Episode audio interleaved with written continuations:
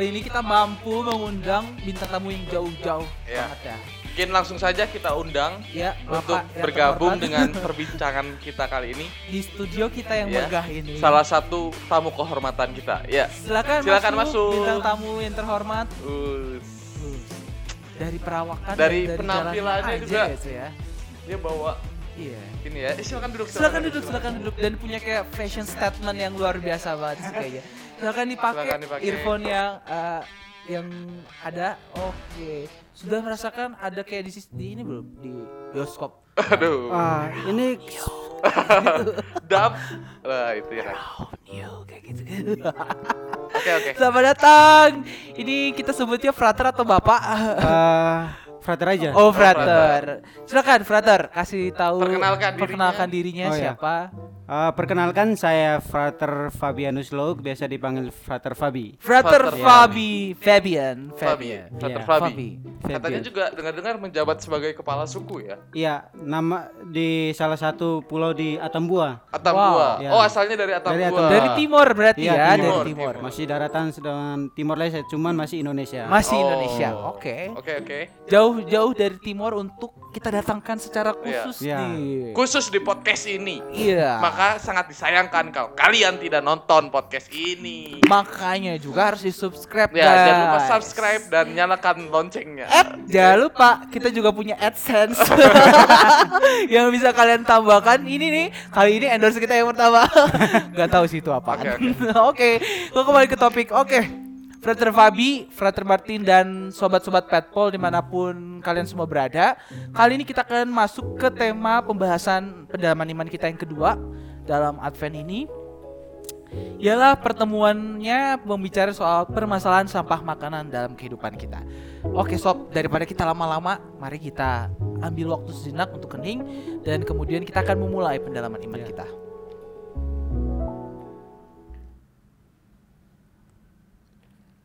Dalam nama Bapa dan Putra dan Roh Kudus Amin. Tuhan beserta kita Sekarang dan selama-lamanya. Oke, sobat-sobat Petpol yang dikasihi Tuhan, Frater Fabi, Frater Martin. Kemarin minggu pertama kita bicara soal eh, makanan itu berkah, atau membuat atau begah. begah. Iya. Iya. Pada akhirnya kan makanan tuh kayak ah karena kita sering makan nih ya. Statement yang kemarin tuh yang gue suka itu adalah karena kita sering makan kita tuh melupakan bahwa setiap detik, setiap porsi itu adalah suatu berkah. Itu berkah. Kalau kalau misalnya kita nggak melihat makanan sebagai berkah, hasilnya ya bakal jadi wabah. Ya, Wabahnya tuh bisa kekenyangan, bisa juga ketidakbersyukuran itu wabah juga Hmm, untuk penyakit. orang yang itu. Nah kali ini kita juga berangkat dari pokok yang sama, dari makanan juga. Ya, masih soal makanan. Ya. Kini soal permasalahan sampah makanan dalam Iya. dunia kita. Di sini dikatakan bahwa makanan itu bisa menjadi permasalahan sampah bagi lingkungan sekitar kita. Bisa dibayangkan kan kalau kemarin berarti ada orang yang nggak bisa makan, sekarang ditambah lagi masalahnya Sekarang berarti masalahnya beda ya. beda lagi. Makanan ada tapi nggak dihabiskan. Nah, gitu. itu dia. Makanya Dan jadi sampah. iya, dan itu jadi kayak lingkaran tersendiri kepada orang yang nggak bisa makan juga gitu Hmm, loh. betul, Sedih betul. sekali kan kalau kita melihat dan menurut gue sih ini sangat-sangat penting banget untuk sobat-sobat petpol di mana pun kalian berada nih yang saat ini sedang mendengarkan kita Iya. coba buka hatinya dilihat kedalamannya apakah kita masih mempertimbangkan sampah-sampah makanan kita yang kita keluarkan Iya. sebelum kita lanjut saudara-saudaraku sobat-sobat petpol di mana pun kalian semua berada mari kita menyiapkan diri kita untuk mohon ampun pada Allah atas segala kesalahan dan dosa-dosa kita.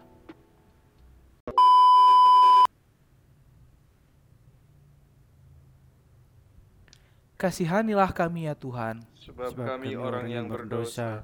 Tunjukkanlah belas kasihanmu kepada kami ya Tuhan. Dan anugerahkanlah keselamatan kepada kami. Semoga Allah yang maha rahim mengasihani kita Mengampuni dosa kita Dan menghantar kita ke hidup yang kekal. Amin. Amin. Marilah kita berdoa Allah Bapa Maha Cinta kami bersyukur karena Engkau senantiasa memberikan berkat-Mu melalui makanan yang kami terima sehari-hari.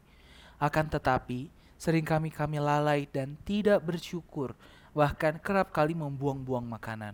Bukalah mata hati kami untuk dapat menyadari banyak makanan yang terbuang menjadi sampah di lingkungan sekitar kami. Demi Kristus Tuhan dan pengantara kami yang hidup dan berkuasa bersama Engkau dalam persekutuan dengan Roh Kudus Allah sepanjang segala masa. Amin. Sobat-sobat Petpol yang terkasih untuk mendalami kan namanya juga pendalaman iman, pendalaman kitab suci, kita kan akan membahas berangkat dari kitab suci. Ya. Kali ini eh, kutipan yang akan kita bahas itu, Itu kita diambil ambil dari kitab Injil Injil Lukas, Lukas, bab, bab 11. 11 ayat 1 sampai 4. Diulangin lagi ya sambil dibuka Alkitab Sambil dibuka Alkitabnya Lukas bab 11 ayat, Ayat 1 1 sampai sampai 4.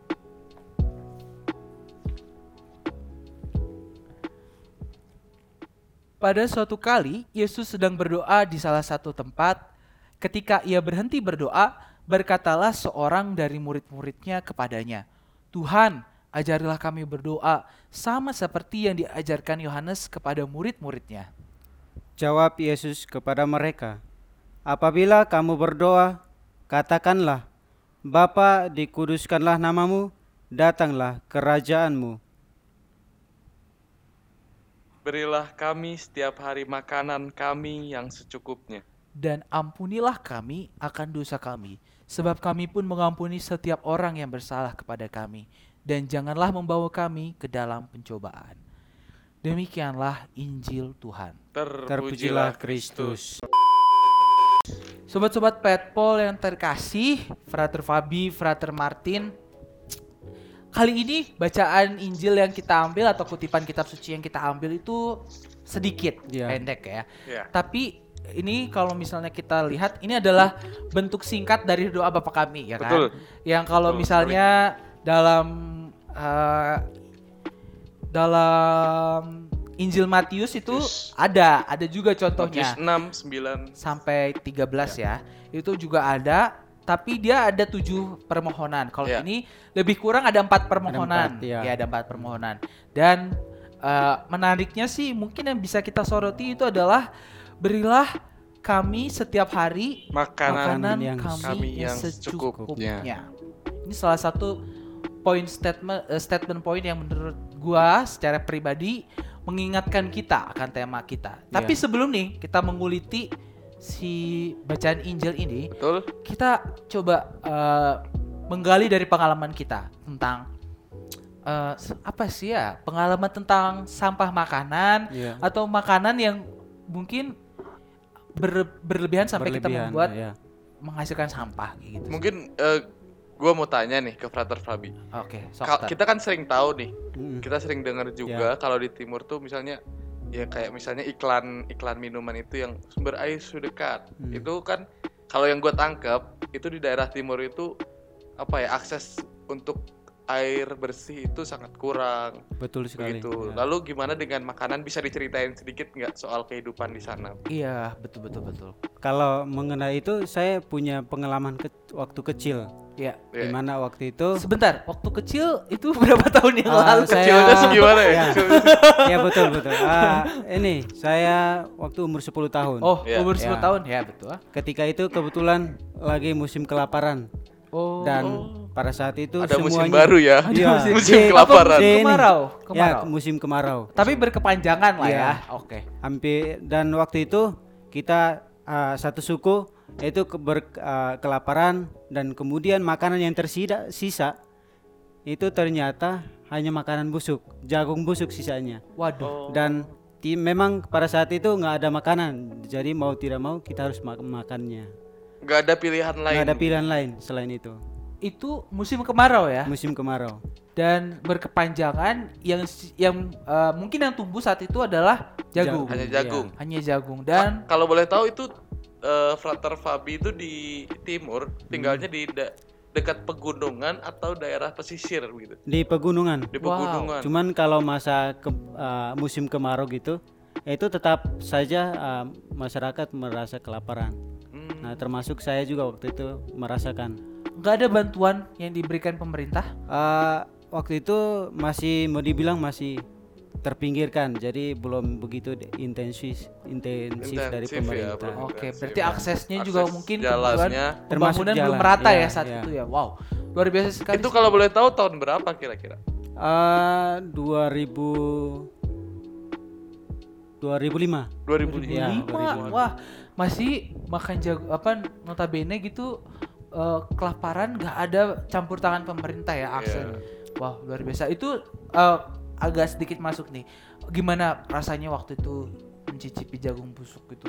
Ya itu memang pengalaman yang sangat pahit sekaligus memberikan apa ya namanya eh, suatu pengalaman yang unik di mana saya harus menghargai makanan di mana pun saya berada. Selama berapa bulan?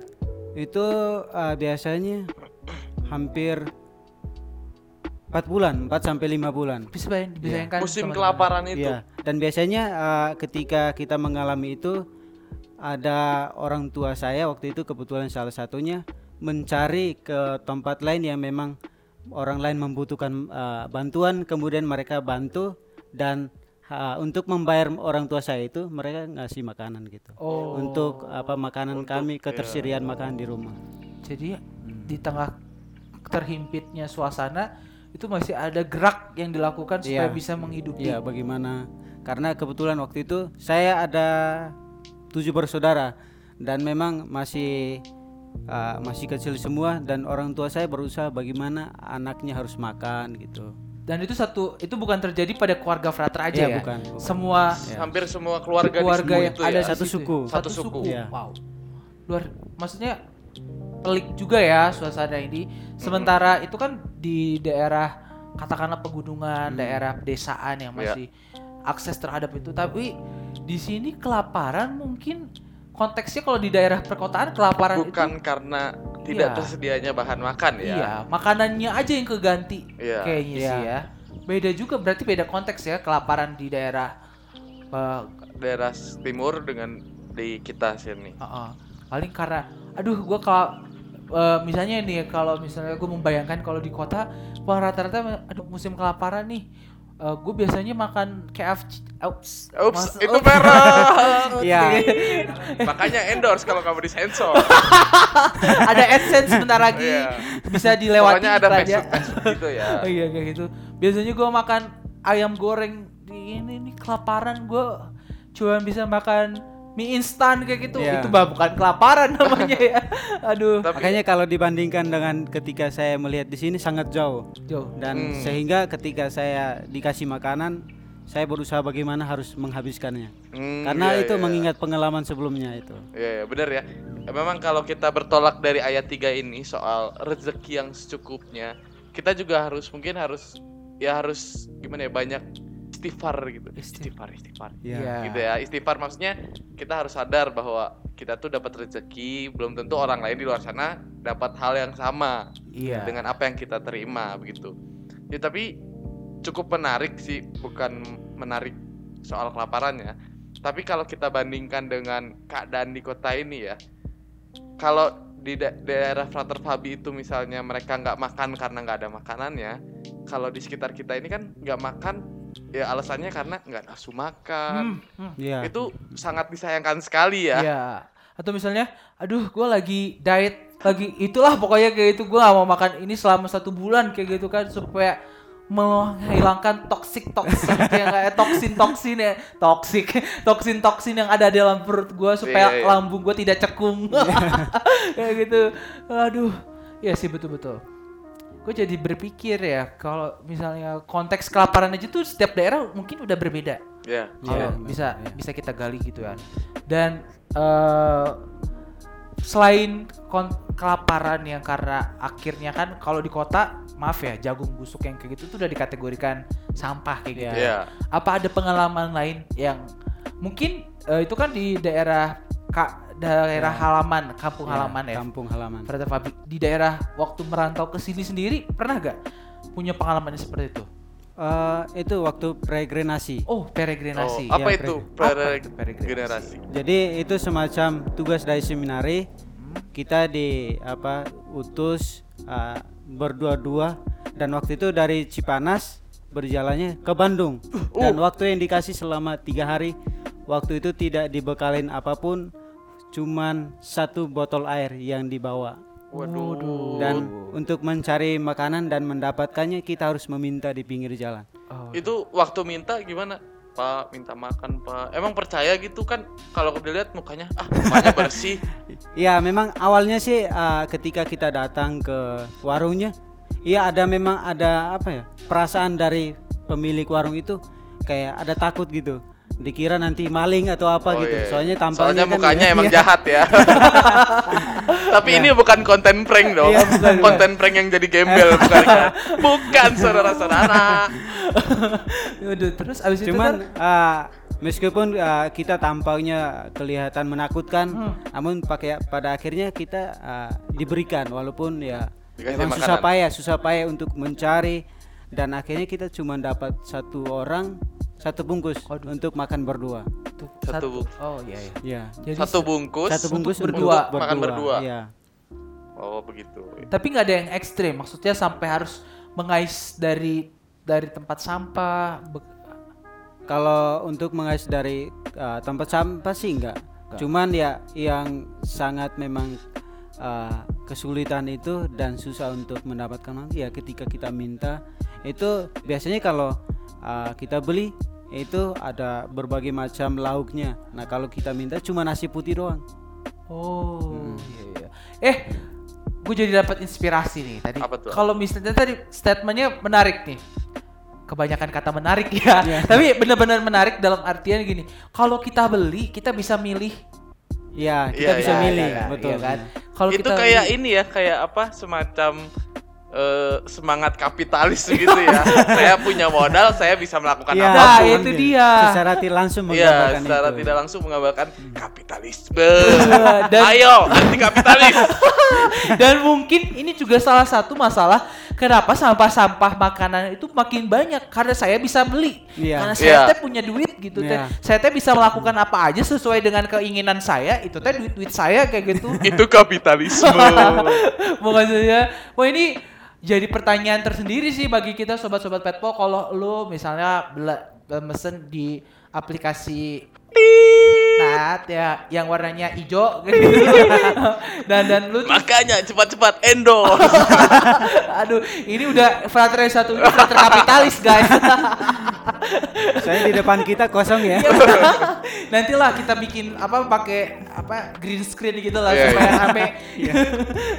ya kalau Gimana, lanjut, lanjut, ya lanjut. tadi gue bilang kayak misalnya lu beli makanan nih kan apa sih kebanyakan sih kalau misalnya gue ngeliat sendiri banyak fenomena apa banyak kejadian tuh bahwa orang tuh beli makanan tuh hanya karena promo nih ada promo Iya. di langsung masukin dulu ke wishlistnya kan habis itu di check out check out lagi Padahal belum tentu dia butuh. dan Iya. iya dan itu tuh kayak cuman ya apa ya lapar mata doang sih bukan lapar lambung Laper ini ya, bukan sebagai sebuah kebutuhan. dan dasar. apalagi mungkin eh, menariknya lagi sekarang masalahnya itu bukan karena eh, harga dalam artian gue bisa beli ini bukan karena harganya bisa gue raih tapi sekarang tuh kayak lu merasa gak sih kalau lu beli barang misalnya atau makanan lah di aplikasi itu lu beli itu karena asik bisa gratis ongkir terus gue langsung check out tuh Oh, nah, iya, gitu-gitu. itu iya. tuh yang menurut gue sedih juga sih kalau misalnya kalau kita bandingin dengan kehidupan Iya. yang berkekurangan di sana ya. Kekurangan itu dan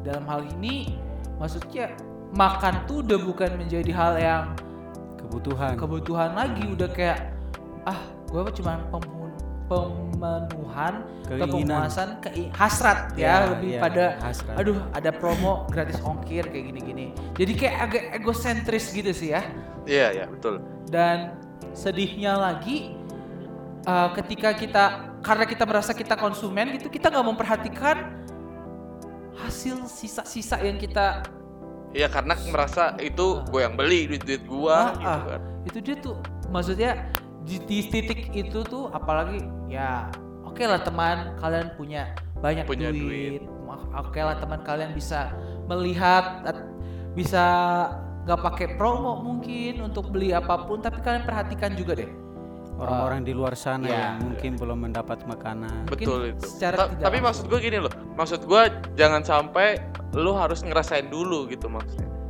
Baru lu bisa bersyukur. Maksud gue ketika lu bis, apa ngerasain kelaparan nah di situ lu baru ada titik poin di mana lu Iya. baru bisa bersyukur maksud Oh, gua iya. nggak perlu gitu dong tanpa harus tanpa menjadi harus Iya. menjadi eh, menjadi apa korban atau Korban, atau- ya. ya korban dari situasi begitulah Iya, iya. katakanlah ya maksud gue dengan ya istilahnya dengan mendengar cerita orang seharusnya kita juga tahu gitu oh di situ eh, mereka tuh ada juga loh yang kayak gini dan Ah. dari situ kita juga seharusnya bisa dong menentukan sikap Iya, iya, iya.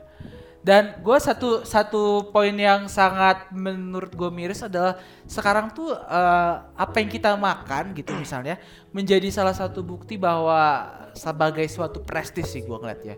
Kayak misalnya nih ya, eh, mungkin beberapa dari kita ya atau mungkin lu, gua atau sobat-sobat petpol di mana pun lu berada, misalnya nih eh, nggak menyalahkan sih orang mengabadikan momen kayak gitu nggak dalam eh gue makan nih eh, makanan mahal di bintang di hotel bintang mewah yang cuma seuprit itu yang kayak gitu.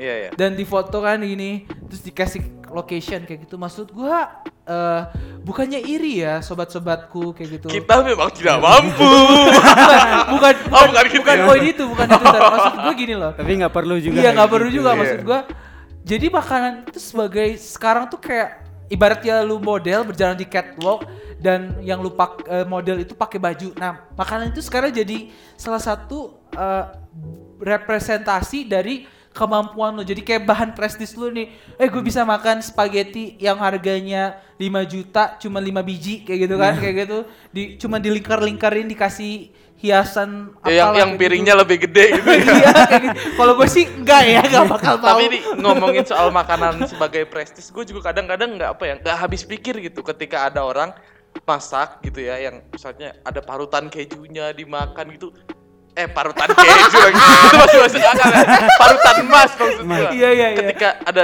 di, apa emas diparut gitu kan. Mak gue di rumah parut kelapa. Bukan emas kalau ada dia parut emas. Eh, itu itu mah kalau kata kata sobat-sobat sobat-sobat sultan itu ah sobat miskin kamu di iya sih. Di satu sisi memang ya tapi nggak nggak tahu ya rasanya gimana gitu kan. Tapi maksudnya aneh aja gitu ketika ya di luar sana ada orang yang membutuhkan makanan dia makan emas gitu Ah, kan. ah. Ada satu film yang pernah gue lihat waktu gue agama pelajaran agama tuh yang dulu tau gak sih ada orang makan di suatu restoran junk food gitu ter Iya. makan tuh dia tuh kayak oh tahu tahu yang cewek yang judulnya cewek. yang chicken ala carte bukan ya? mungkin kali ya apa gue lupa lah pokoknya itu dan dia itu eh, makan itu tuh menurut gue sih kalau gue sih pasti bakal gue habisin. Karena porsinya sedikit banget kayak gitu. Udah kayak gitu eh, dimakan tuh. Lu ya ampun itu makan udah kayak model ya. Ini dianggap nanti tolong diedit ini ayam ya. Gini, cuman gini. Oh ya, takut ngerusak lipstick iya Iya. takut rusak listrik gitu kan.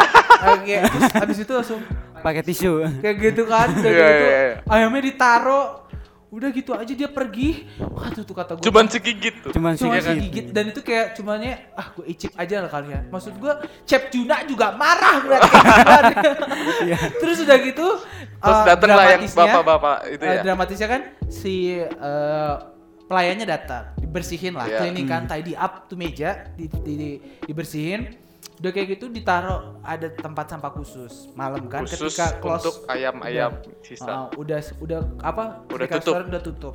Adalah di satu sisi momen seorang bapak-bapak bapak-bapak iya. eh, kita bisa mengatakan dia seorang pengemis eh, apa pemungut sampah ya. Kaum marginal. Iya kaum marginal gitu salah satu kelompok kaum marginal dia melihat tuh saudara-saudara sobat-sobat petpol ayam yang tadi diicipin doang yang sama si Masih utuh. Sa- iya masih Dagingnya utuh masih itu. utuh. Bahkan gue rasa itu cuman kriuknya doang digigit gitu loh. gue menangis sih sebenarnya. Gue sumpah menurut gue ini dia pungut itu sebagai kayak mengambil berlian di antara di antara sampah gitu dia ambil dan dia nyampe ke rumah itu eh, memang sih daerah kaum marginal gitu eh, daerah yang Daerah pinggiran seperti itu. pemukiman mereka Tapi lu bisa membayangkan bagaimana anak-anak dan keluarganya bahagia Ya, ketika bapaknya datang bawa makanan buat anak-anaknya. Lu pada harus nonton. Judulnya Chicken ala carte kalau nggak salah. cari deh cari Cari-cari banyak. nanti gua akan coba lah kita kasih Nanti ada di kolom deskripsi ya. Kalian bisa cek di itu sana. bisa jadi bahan permenungan kalian Tapi ya, ini masih nyambung nih Ah, ah. soal di itu. Pernah nggak sih lu lu pada ngerasa ketika lu datang ke apa? Misalnya re- restoran fast food gitu atau junk food entah apa itu ketika lu makan di tempat tapi lu merasa gengsi gitu makan jadi lu tuh makan gak dihabisin biasanya nih ya Ah. kalau lu di rumah makan ayam kan uh digigitin sampai ke Ya. tulang-tulang gitu Ah, iya iya iya. Bahkan tulangnya dimakan. iya makan tulangnya dimakan gitu kan tapi pernah gak sih lu maksudnya ketika dalam situasi itu ya karena lu merasa gengsi gitu diliatin orang akhirnya nggak lu habisin Ah, Kalau gue pernah, iya waktu itu pas diajak ke Jakarta nggak salah. iya iya. Lalu kita diajak makan di war, ya restoran lumayan mewah lah. Ah, lalu ketika dipesan, terus kita makan. Karena melihat orang-orang yang lain kan makan nggak habis. Ya kita juga kalau pas mau makan mau sampai habis juga gengsi kan. Akhirnya ya udah, cuman makan setengah. Yang seharusnya kalau di rumah kita makan sampai tulang, kita sisain, sisain masih ada isinya masih banyak di situ. Iya, Ya udah habis itu kita langsung tinggal. Oh kalau gue enggak sih, sorry sorry aja nih ya. A- apa pun tempat makanannya saya tetap lahap. saya tetap lahap karena saya punya moto born to be fat. Asik. enggak tapi kalaupun misalnya enggak gue makan, gue tuh berani untuk ngomong ke pelayannya, Mbak tolong dibungkus, Mas Iya. tolong dibungkus. Kalau gue pribadi sih berani. Kalau misalnya ih nggak malu apa ter lu apa ngebungkus-bungkus makanan, ih gue mah nggak nggak malu kata gue kita tidak peduli yang lebih malu kalau misalnya lu menyisakan makanan dan lu masih melihat saudara lu di luar tidak bisa menyantap makanan. betul gitu. betul Nah, tapi intinya ya mungkin entah itu eh, berapa jumlahnya pasti ada lah maksud gua kenyataan-kenyataan semacam Ya. itu ada orang-orang yang eh, apa tidak menghabiskan makan hanya karena gengsi gitu loh Iya. maksud ya ini juga lah jadi ini juga jadi sumber apa ya maksud gue jadi sumber masa sumber permasalahan bagi sampah makanan sih Iya. Dan eh, ini ada statement yang gue dengar tuh yang bisa merobek hati lu pada sih. Lu bisa merusak bumi ini hanya dari meja makan. Wow, itu tuh menarik menarik banget. Kayaknya moto hidup gue tuh adalah menarik ya. Eh, coba jelasin sesuatunya coba, menarik. Lu bisa sebut gue frater menarik. coba bisa dijelasin itu maksudnya apa Maksudnya gini, eh, lu bisa punya eh, merusak bumi dari meja makan. Dalam artian adalah kalau seandainya lu makan di eh, lu makan di rumah, ini ambil contoh aja ya, mungkin agak sedikit iya. Jauh juga tapi gue mencoba menggambarkannya. Lu beli makanan cepat saji dan itu kan pasti packagingnya, food packagingnya itu kan ada kan, ada apa tuh? Ada ya ada bungkusnya ada lah bungkusnya lah ya, walaupun itu kertas, walaupun itu entah plastik. itu berapa lapis ratusan oh, kita tunggu dari yang itu. itu juga enak loh. lanjut lanjut lanjut nah, dari situ tuh lu bisa merusak. Ataupun kalau misalnya sisa makanan, tadi tuh gue sempat baca-baca sedikit bahwa sampah makanan itu menyumbang emisi kar- gas karbon yang luar biasa untuk mempengaruhi lingkungan untuk ke depannya. Gue bisa membayangkan, aduh, makan aja gue bisa merusak bumi gitu loh. pelik juga ya jadi Iya. persoalannya jadi persoalannya bukan cuman sisa makanan doang yang bisa merusak bumi tapi juga kalau misalnya lu bungkus apa bungkus bungkus makanan gitu Mm-mm. juga apa bisa menyebabkan juga menyumbang emisi gas juga begitu ya Iya. jadi semakin pelik tapi ada di di tengah-tengah situasi yang mungkin miris gini ya ketika kita bisa merusak makanan dari meja makan gitu ada beberapa usaha-usaha yang dilakukan oleh orang-orang di sekitar kita ataupun dilakukan sekelompok badan tertentu untuk em, memberikan contoh menularkan virus-virus kebaikan untuk menyelamatkan bumi.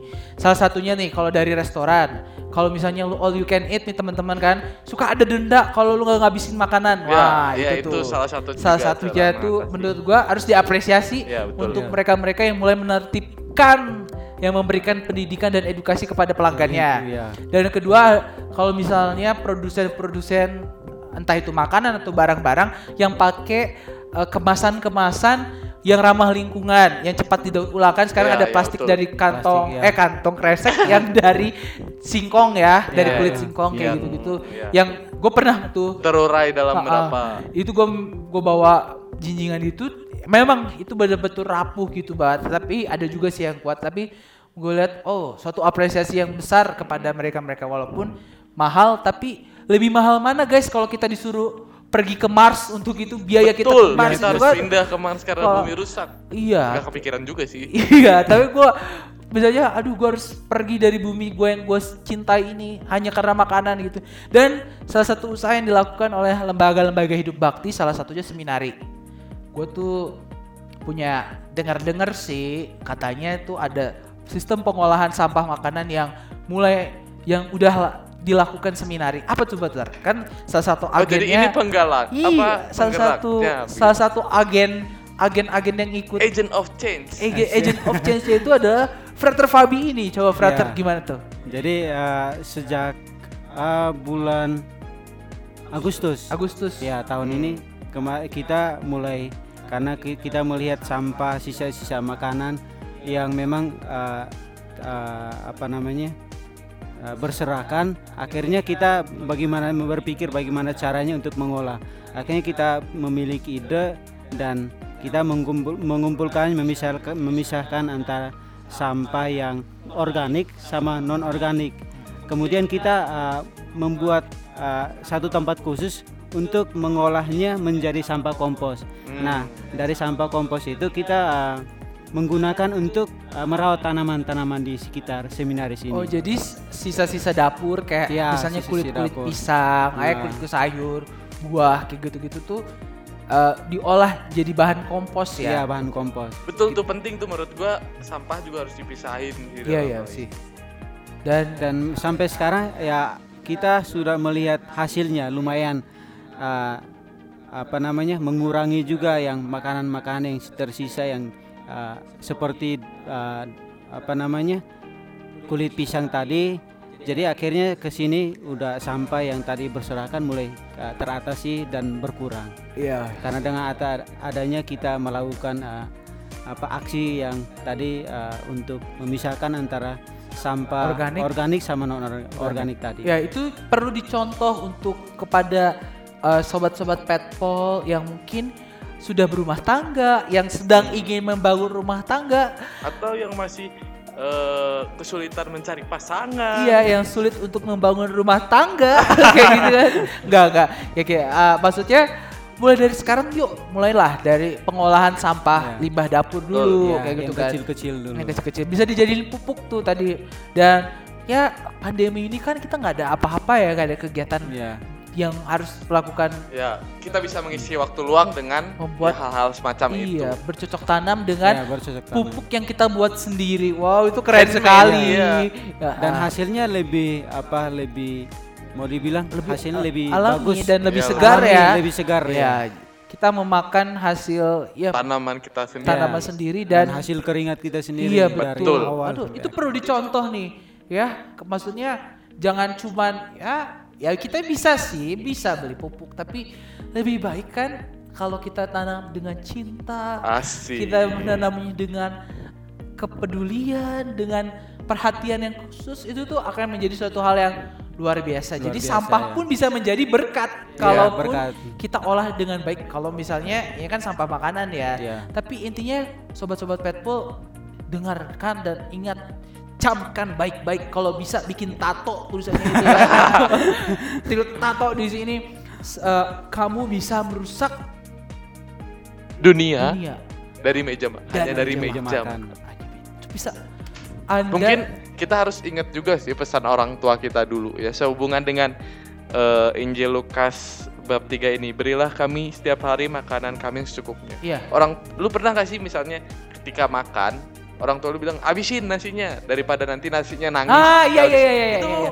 Iya. itu pendidikan untuk menghargai makanan sejak dini. Iya, Maksudnya iya. kita harus juga inget gitu loh Iya. betapa Kalau saya keras. pernah mengalami itu, itu orang tua Nasinya saya- nangis beneran.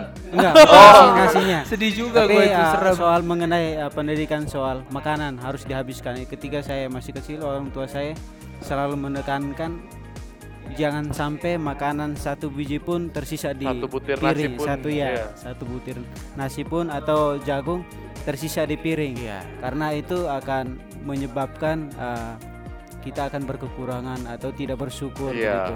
Oh iya, jangan lupa makanya harus nonton episode kemarin tuh kan udah Iya.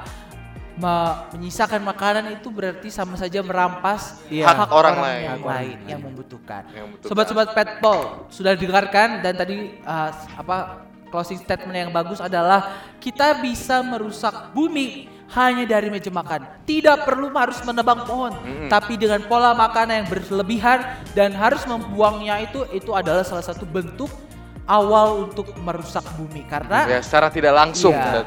Makanya daripada itu ketika kita makan selalu tanamkan dalam diri kita. Berdoalah berilah kami makanan yang secukupnya. Secukupnya bukan berarti apa yang cukup menurut saya tapi apa yang cukup Yang Tuhan cukup. berikan Iya, kepada kita. sobat-sobat petpol itu statement sta- uh, uh, pendalaman iman kita di episode kedua ini. Terima kasih kepada bintang tamu kita. kita tamu kita yang Sama-sama. sudah kita datangkan jauh-jauh Enggak sih sebenarnya Sebelah kamar doang. Sebelum kawan doang. Oke, sebelum kita menutup pedalaman iman kita, mari kita hening sejenak. Kita akan mendoakan doa penutup. Marilah kita berdoa, Allah Bapa Maha Mulia, Engkau telah memberikan makanan sebagai berkatmu yang tiada habisnya bagi manusia. Kami mohon ampun karena kami sering lalai dalam menjaga segala kebaikan yang telah Engkau berikan. Ajarilah dan tuntunlah kami agar tidak membuang-buang makanan dan tidak menjadikannya sebagai sumber sampah di lingkungan kami. Ajarilah kami untuk dapat menggunakannya sebagai rasa syukur kami dan membagikannya kepada mereka yang membutuhkan. Demi Kristus Tuhan dan pengantara kami yang hidup dan berkuasa bersama Dikau dalam persekutuan dengan Roh Kudus Allah sepanjang segala masa. Amin. Marilah kita mohon berkat Tuhan supaya segala upaya kita dalam menyiapkan Natal kelahiran Tuhan mencapai hasil seperti yang kita harapkan dan supaya kita semakin peka terhadap permasalahan sampah makanan dapat mencari solusi terbaik untuk mengatasinya. Semoga masa Advent ini Allah meneguhkan iman kita. Amin. Semoga Allah mendorong kita untuk dapat bersikap peka terhadap permasalahan sampah makanan di sekitar kita. Amin. Amin. Semoga kita semua yang hadir di sini dilindungi, dibimbing, diberkati oleh Allah yang Maha Kuasa. Dalam nama Bapa, Putra, dan Roh Kudus. Amin. Ibadat pertemuan kedua AAP 2020 sudah selesai. Syukur kepada Allah. Nah, sobat-sobat Petpol, mari kita menjadi agen perubahan. Kalau tadi di closing statementnya kalian bisa merusak bumi, Bumi. hanya dari, Dari meja, makan. makan. Sekarang kita balik, kalian bisa merawat dan mengubah keadaan bumi hanya dari, Dari meja, meja makan. makan. Wow, terima kasih sekali Frater Fabi Terima kasih sudah Sama-sama. datang dan meramaikan perbincangan kita. sudah memperkaya. memeriahkan podcast Ya, kita. pengalamannya menarik ya, Pengalamannya menarik bisa menjadi Semoga memotivasi sobat-sobat Pet Paul ya. Oke. Amin. Dan jangan lupa sobat-sobat Petpol Untuk menyaksikan pods- podcast kita selanjutnya, di Selanjutnya. episode ketiga yang akan membahas tentang apa ya? Apa ya? apa ya? Kepo ya, kepo ya. Pokoknya kalau mau tahu terus. ikuti terus di follow Instagram kita @peterpaulmajor. Jangan lupa juga di subscribe, YouTube dan nyalakan kita apa diklik tombol loncengnya uh, dan langsung cari tuh di bagian podcast ada kita. Mungkin juga bisa cari kita di platform-platform Spotify dan lain Ya, sebagainya. bisa didengarkan juga dari platform Spotify. Oke, segitu saja sobat-sobat Petpol. Terima kasih. Sampai jumpa. Bye bye. Bye bye.